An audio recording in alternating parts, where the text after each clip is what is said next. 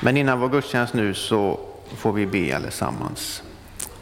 Ack Herre Jesus, hör min röst, gör dig ett tempel i mitt bröst. Uti mitt hjärta bliv och bo, så har jag tröst och evig ro. Herre, nu tackar vi dig för att det återigen är söndag. Vi tackar dig för att vi får komma samman till ditt hus. Och vi ber att du ska få tala till var och en av oss. Fylla oss var och en med din helige Ande. Att vi kan gå ifrån denna gudstjänst idag styrkta till ande, själ och kropp i hur vi ska förvalta det evangelium som du har anförtrott din församling här i Mariakyrkan och kristna människor i dessa bygder och din kyrka runt om i världen. Att vi inte ger avkall på de uppdrag som du har gett oss genom ditt heliga ord och i dina bud. Sänd också dina änglar som vakar över oss. I Jesu namn. Amen.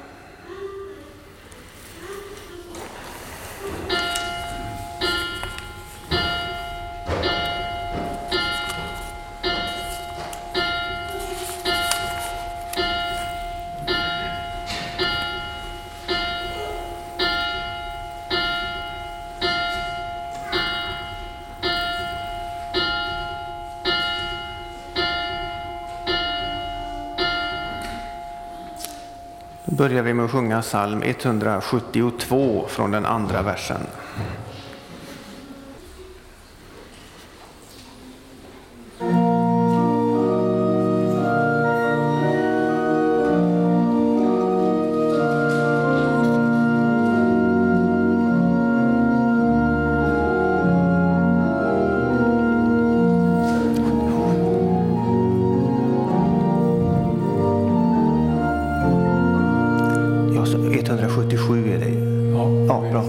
Jag sa fel, 177 är det, ursäkta mig.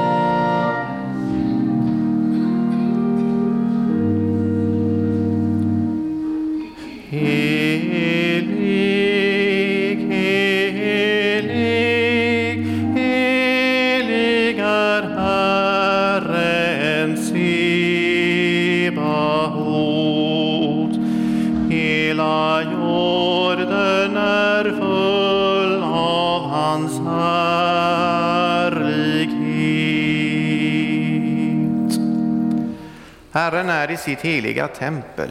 Hans tron är i himmelen, men han är också nära dem som är ödmjuka och ångerfulla.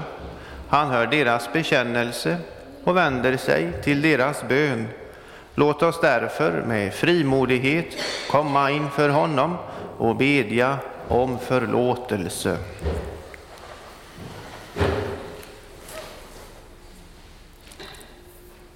Jag, fattig, syndig människa, bekänner inför dig, helige och rättfärdige Gud, att jag som är född med synd på många sätt har brutit emot dig. Jag har inte älskat dig över allting och inte min nästa som mig själv. Mot dig och dina bud har jag syndat med tankar, ord och gärningar. Jag är värd att förkastas från ditt ansikte om du skulle döma mig som mina synder har förtjänat.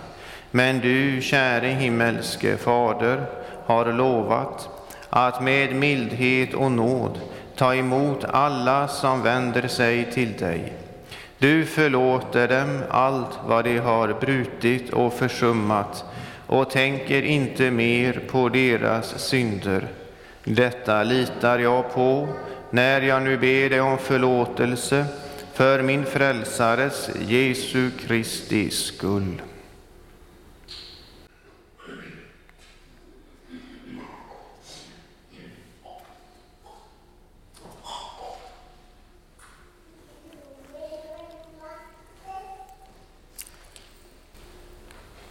Till dig som ber om dina synders förlåtelse säger jag på Jesu Kristi uppdrag. Dina synder är dig förlåtna i Faderns och Sonens och den helige Andes namn. Amen. Käre Fader i himmelen, vi tackar dig för syndernas förlåtelse genom Jesus Kristus, vår Herre. Amen. Helige Herre Gud, helige starke Gud, helige barmhärtige frälsare, du evige Gud, förbarma dig över oss.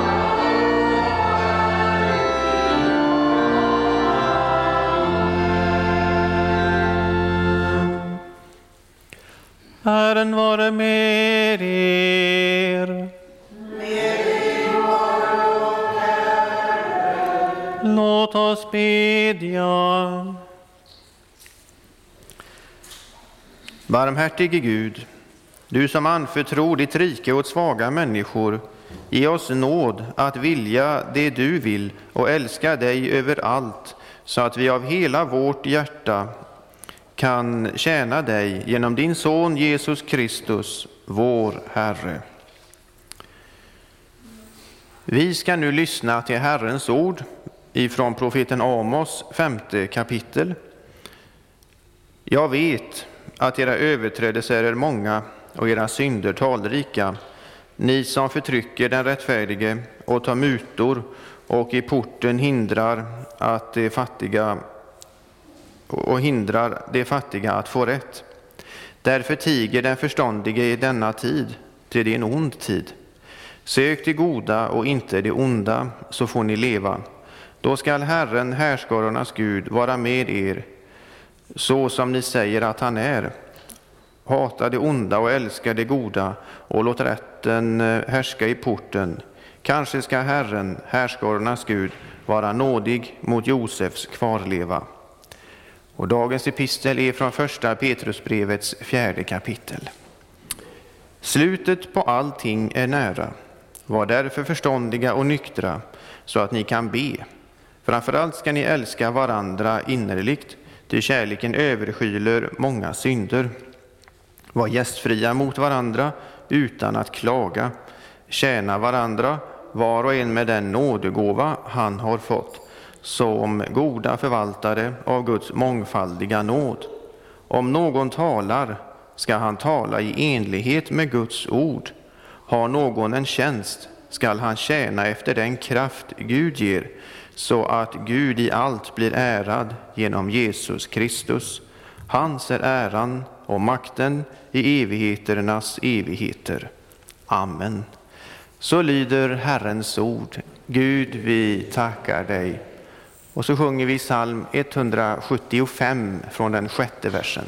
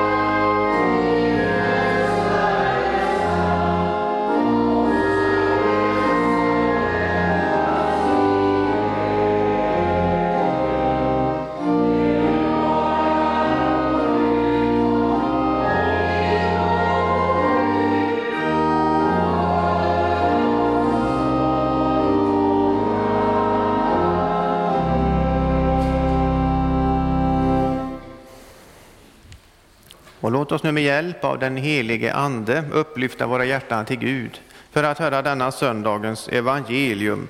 Och orden är från Matteus 25 kapitel.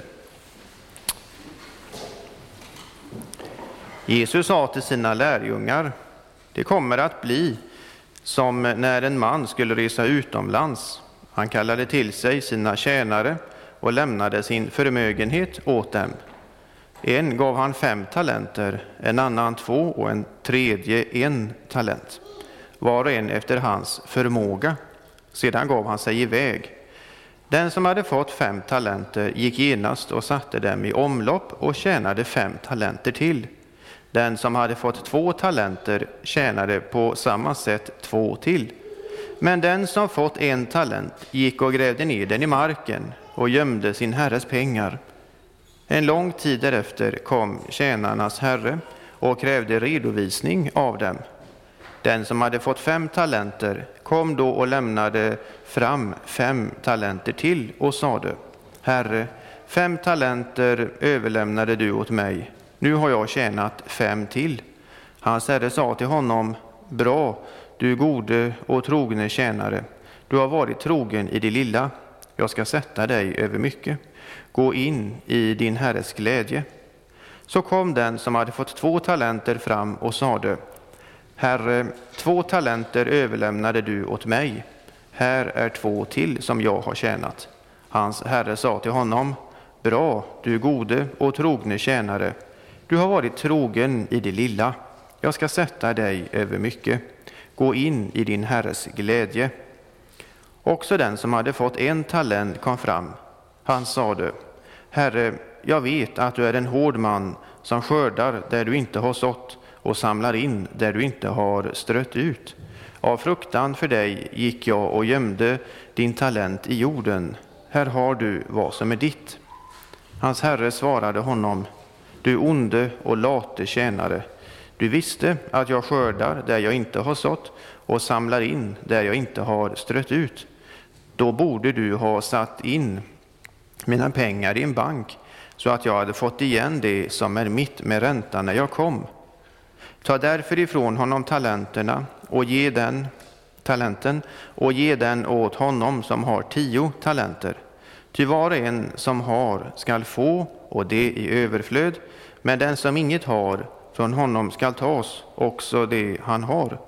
Kasta ut den oduglige tjänaren i mörkret här utanför, där skall man gråta och skära tänder. Så lyder det heliga evangeliet. Lovad vare du, Kristus. Och låt oss nu högt och gemensamt bekänna vår kristna tro. Vi tror på Gud Fader allsmäktig, himmelens och jordens skapare.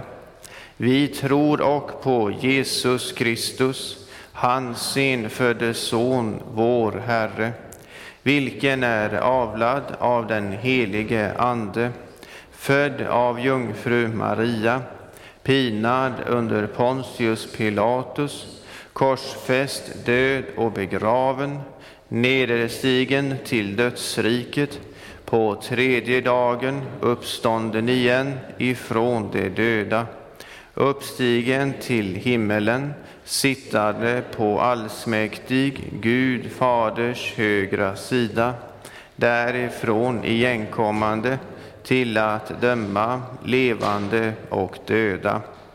Vi tror och på den helige Ande, en helig allmännelig kyrka, det heligas samfund, syndernas förlåtelse, det dödas uppståndelse och ett evigt liv. Och innan predikan så sjunger vi 364 från den sjätte versen.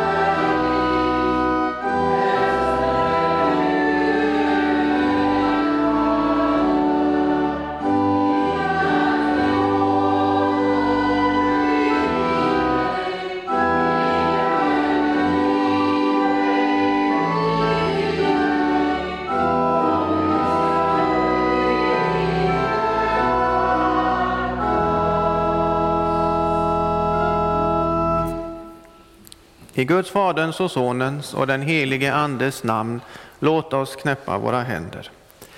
Vi beder dig så innerligt att du vår själ förunnar att alltid stärkt och mättad bli där man ditt ord förkunnar. Och låt oss här en skymt få se av dig och av din härlighet till fröjd förutan ände. Och giv oss, o Gud, din ande god, som på din väg oss leder, upplyser, styrker håg och mod och så vår själ bereder, att vi ditt ord kan rätt förstå och oss därefter ställa så, att ditt namn alltid helgas. Om detta ber vi i Jesu namn. Amen.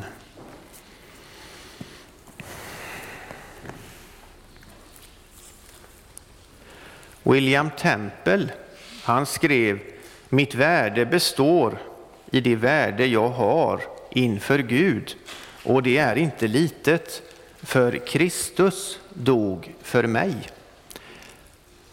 Alla människor behöver mening och värde i livet. Den kristna tanken är att Gud ger mening och värde i livet utifrån sitt ord. När människor inte ser mening och värde i livet, då är det illa. Många i vårt samhälle saknar ju detta idag. Och eh, vi vet alla hur den psykiska ohälsan är ett lidande och ett problem. Och det ser vi inte minst bland unga idag. Kristendomen är ju ingen garanti för att slippa psykisk ohälsa. Men om man inte ens ser sitt värde i ljuset av Jesus Kristus blir det inte lättare. Människan behöver normer, regler och ordningar kopplat till ett eget personligt ansvar. Den kristna grundtanken är ju att vi alla människor står med ansvar inför Gud. Till exempel när vi syndar, då skadar vi inte bara oss själva, vår nästa, utan vi syndar mot Gud. Och tas då Gud bort helt och hållet, som ute i stora delar av vårt samhälle idag, var hamnar man då? Vad blir människans rättesnöre? Mot vem har människor då ett ansvar? Eget ansvar och människovärde, det hänger ihop.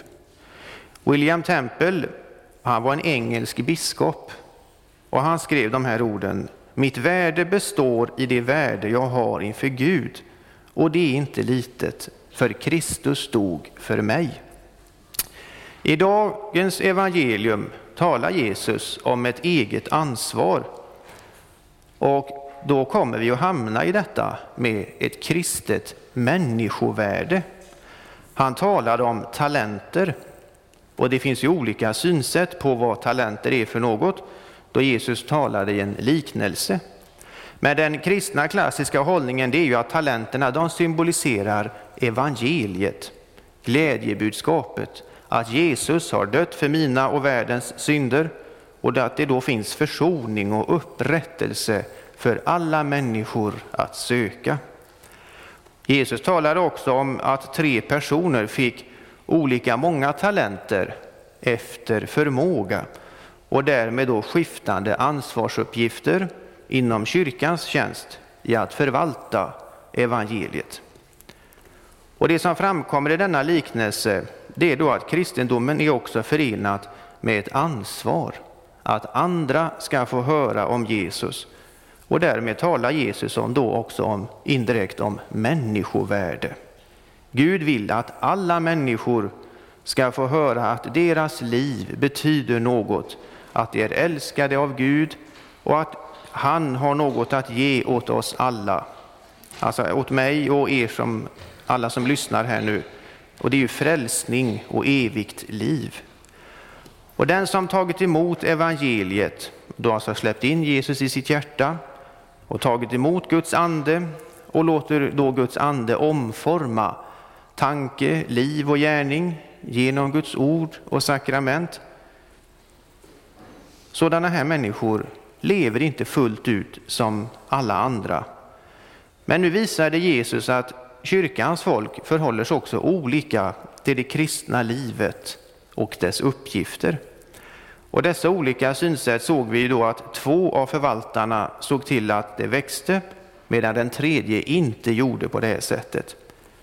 Det visar att synden finns hos den enskilde kristne och inom församlingen. Det blir en kamp här. Och predikan ska nu utveckla liknelsen om talenterna i tre, i, i tre huvuddelar och säga något om detta. Och det första är att Jesus har då gett ett uppdrag åt kyrka och församling. Och uppgiften är ju att gå ut i hela världen och göra alla folk till lärjungar, att döpa dem i den treenige Gudens namn och att lära sina lärjungar vad han har befallt. Och avslutningsvis så lovar han att vara med Guds barn, sin kyrka och församling på jorden i detta arbete. Och vi vet att detta kallas ju för den stora missionsbefallningen. Sedan har vi Jesu himmelsfärd och i samband med Andens utgjutande så börjar detta missionsarbete med apostlarna och som senare resulterar i att vi får en bibel, en helig skrift av både gamla och nya testamentet, där Gud själv talar till oss. Och denna bok blir då mittpunkten i kyrkans arbete. För det vi vet om Gud, Jesus, äktenskap, den kristnes plikt i samhället och så vidare, det vet vi genom Bibeln. Därför lär vi att Bibeln inte är människors ord om Gud, utan det är Guds ord till människor. Kyrkan och den kristna församlingen är satt till att vara förvaltare. Och det blir då över Bibelns budskap.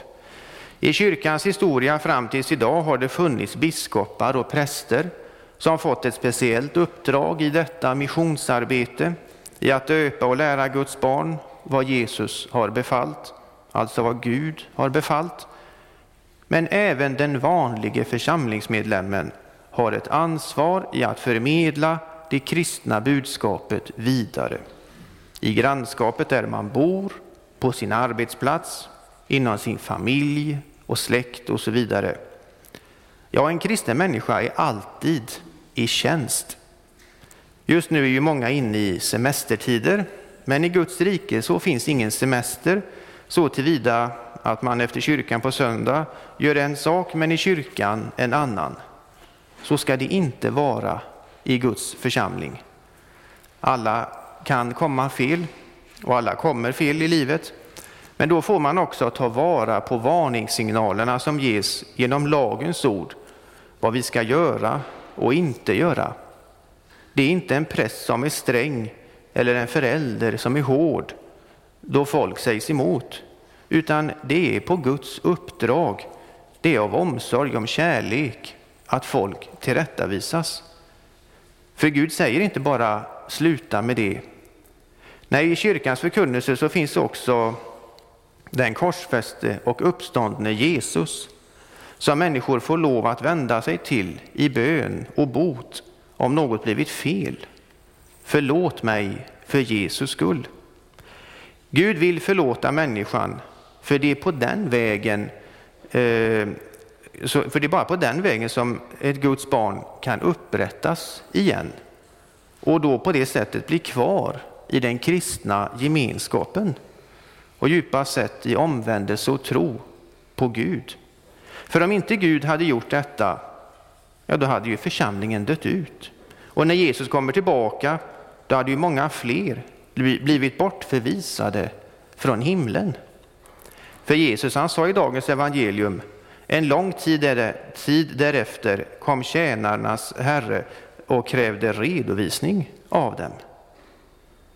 Här säger alltså Jesus att kyrkans tid är inte hur lång som helst. Guds eh, förlåtelse finns inte att söka i all evighet. Guds barmhärtighet finns endast under varje människas livstid. När Jesus kommer tillbaka kommer han också att kräva redovisning. Biskopar och präster kommer att få en mycket strängare dom, läser vi i Bibeln. Men inte bara dessa, utan alla kommer att få träda fram på räkenskapens dag, även de som varit med i Guds församling. Om nu kanske missmodet kommer smygande, men predikan ska gå vidare och säga något om ett gott respektive dåligt förvaltarskap.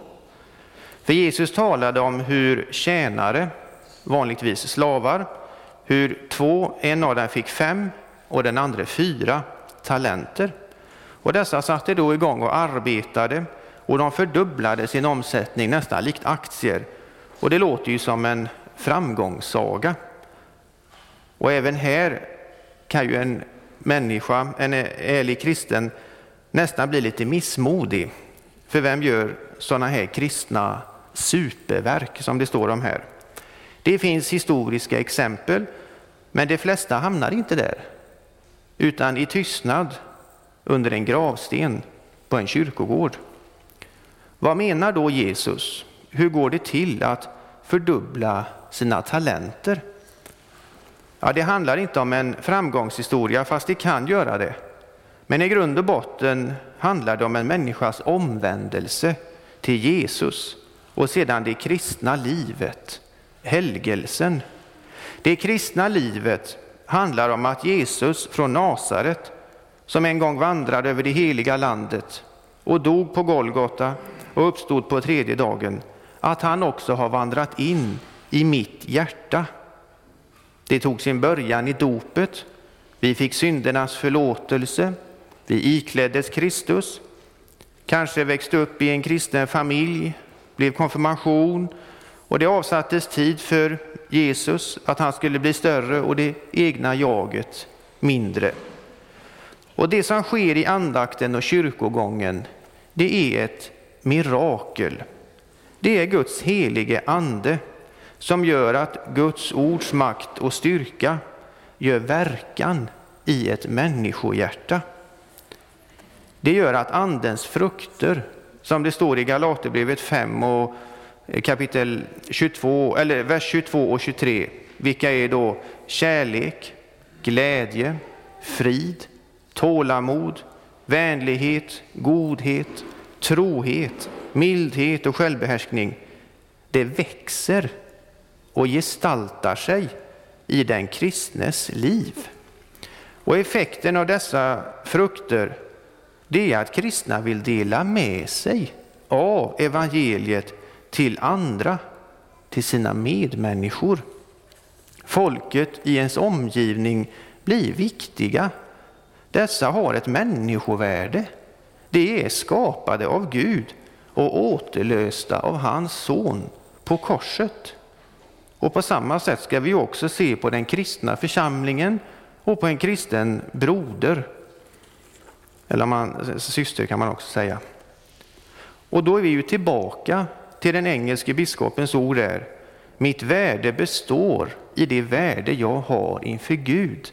Och det är inte litet, för Kristus dog för mig. Innebörden i en sann omvändelse ligger i att efterhand så ser en kristen hur Gud har offrat sin son, inte bara för mig, utan för andra också. Att dessa, har ett, att dessa människor har ett värde i Guds ögon, så som jag själv har. Och detta är en frukt. För alla vet hur äppleträden i början, det börjar med blommor och det övergår i små äpplen, men som nu fram i höst här växer, mognar och som då är något gott och nyttigt för oss.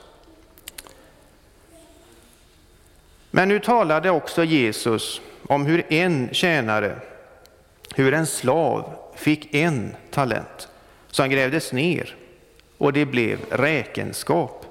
Domen blev hård och det stod, Jesus sa, du onde och late tjänare, du visste att jag skördar där jag inte har sått och samlar in där jag inte har strött ut.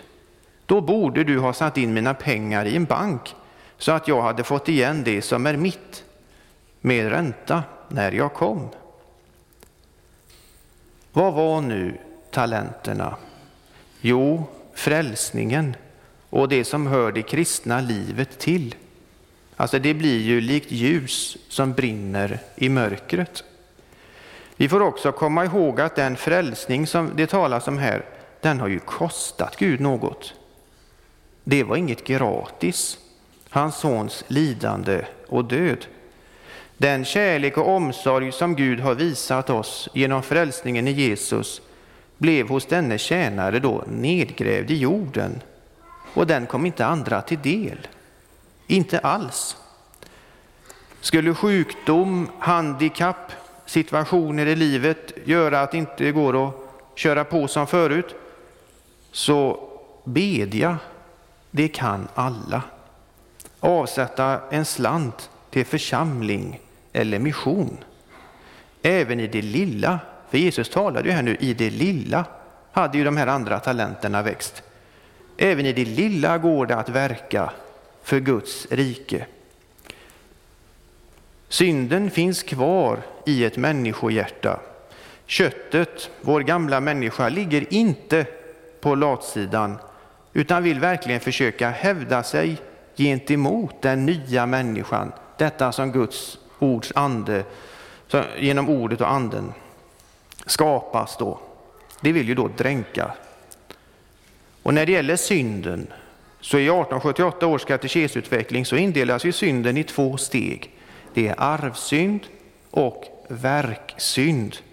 Och arvsynden går tillbaka till Adam och Eva, till bettet i frukten, som gör, att vi inte, som gör att vi då föds med ett hjärta som inte söker Gud. Och det här medfödda syndafördärvet gör att vi syndar lätt och ofta. Men när väl synden sker, då kallas det för verksynd. Och det indelas i överträdelsesynder med vett och vilja eller med undanlåtenhetssynder. Det kan vara ren okunskap eller förvirring. Men det kan lika gärna vara lathet. Man undanber sig, skyller på annat när församlingen kallar. Man blir bekväm och annat tar överhand. Och som jag sa, i vissa stunder i livet då, då kan det vara befogat. Hälsan kan svikta eller vad det nu är. Men övergår detta i en dålig rutin, ja, och det förblir så, ja då gräver man ju ner sina talenter. För Gud ger aldrig en människa mer uppgifter än vad en människa klarar av. Men hur blir då om man gräver ner sina talenter? Hur blir då ens självbild inför Gud och det människovärde som Gud har för alla människor? Jo, det försvinner ju. Det finns också ett annat sätt att gräva ner sina, sin, sina talenter på. Och det är om en sann ånger över synden och syndabekännelsen uteblir. En person kan alltså vara i kyrkans verksamhet men utan behov av syndernas förlåtelse. Det är inte att förvalta sina talenter på ett kristet sätt. För då har man ju tagit bort tron på Kristus och hans försoning. Då har man ju blivit en lagens träl, det Bibeln kallar en farisé. Det nämndes innan om det goda förvaltandet och det handlar i grund och botten om ett mirakel, ett verk av Guds ande och hur den kristna människan och församlingen fortsätter på den goda vägen så att detta goda verk kan vidareutvecklas. Och det är inte bara till andra människor, det är också till nästkommande generation.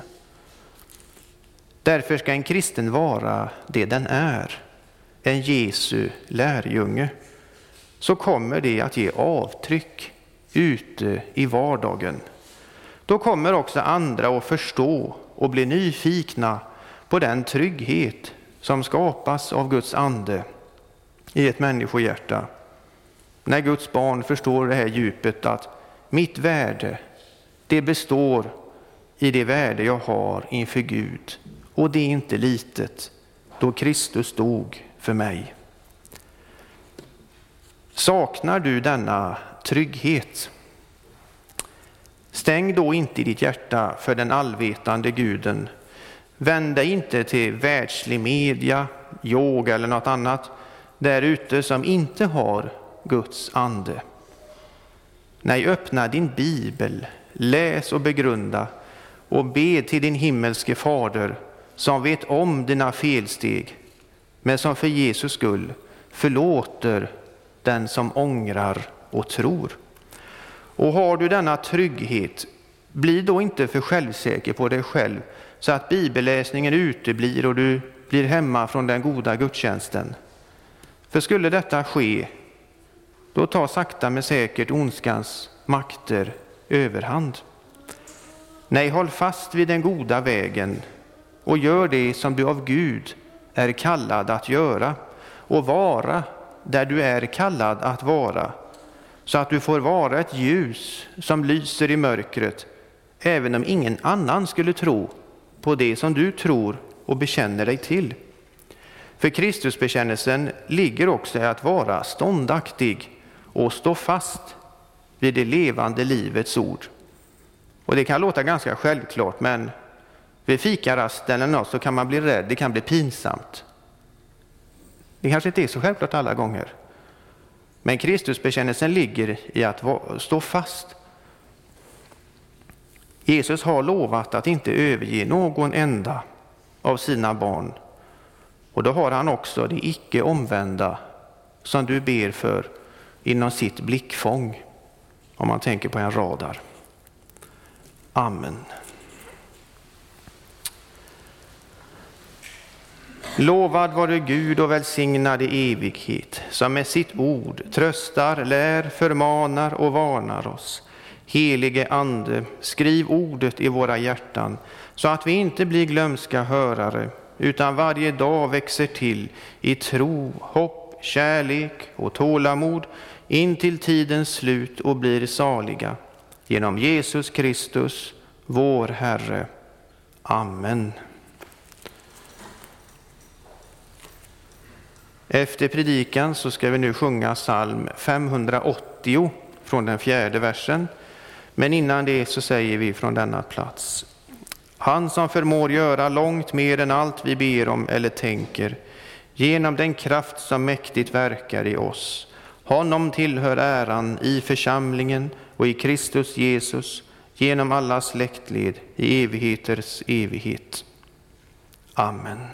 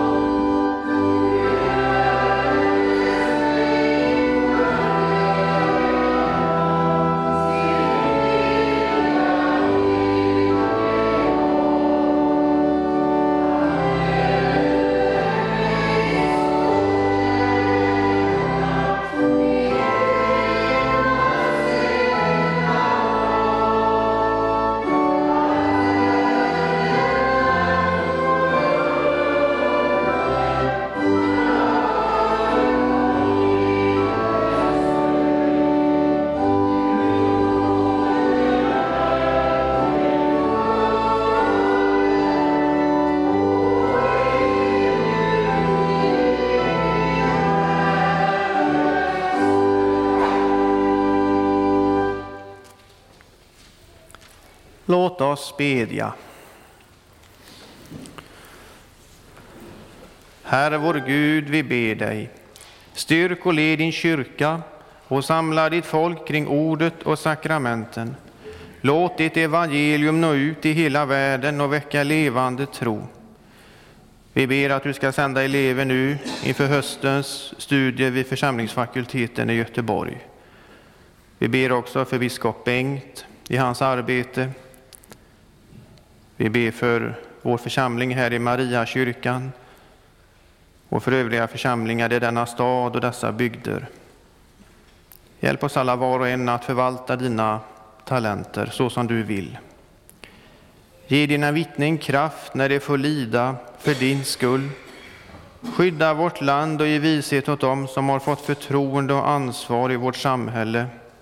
Bevara vår konung och hans familj. Välsigna vårt arbete. Ge världen fred och låt det onda hindras och din vilja ske. Ge oss dagligt bröd och stärk vår vilja till att med oss åt dem som lider nöd. Låt våra hem präglas av sammanhållning, trygghet och kristen tro. Och hjälp oss att värna om det heliga äktenskapet som du har instiftat mellan man och kvinna. Och hjälp oss också att stå upp för livet i dess början och i dess slutskede. Gör vår församling till ett hem där vi får mötas i bön, arbete och gemenskap. Kom, Herre, till de sjuka, sörjande och ensamma. Sänd oss till dem som behöver vår omtanke och vårt stöd. Följ oss hela livet med din nåd. Och låt oss till sist komma hem till din eviga glädje. Genom Jesus Kristus, din Son, vår Herre. Amen. Och så ber vi allesammans. Fader vår som är i himmelen. Helgat varde ditt namn. Tillkommer ditt rike. Ske din vilja så som i himmelen, så och på jorden. Vårt dagliga bröd giv oss idag och förlåt oss våra skulder så som och vi förlåta dem oss skyldiga äro. Och inled oss inte i frestelse utan fräls oss ifrån ondo. Ty riket är ditt och makten och härligheten i evighet. Amen.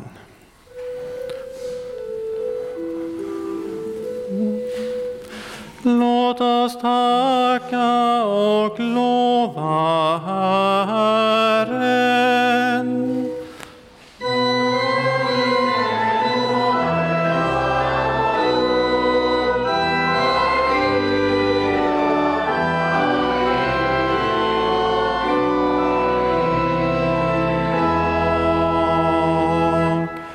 Tag emot Herrens välsignelse. Herren välsigne er och bevare er. Herren låte sitt ansikte lysa över er och vare er nådig. Herren vände sitt ansikte till er och give er frid. I Faderns och Sonens och den helige Andes namn.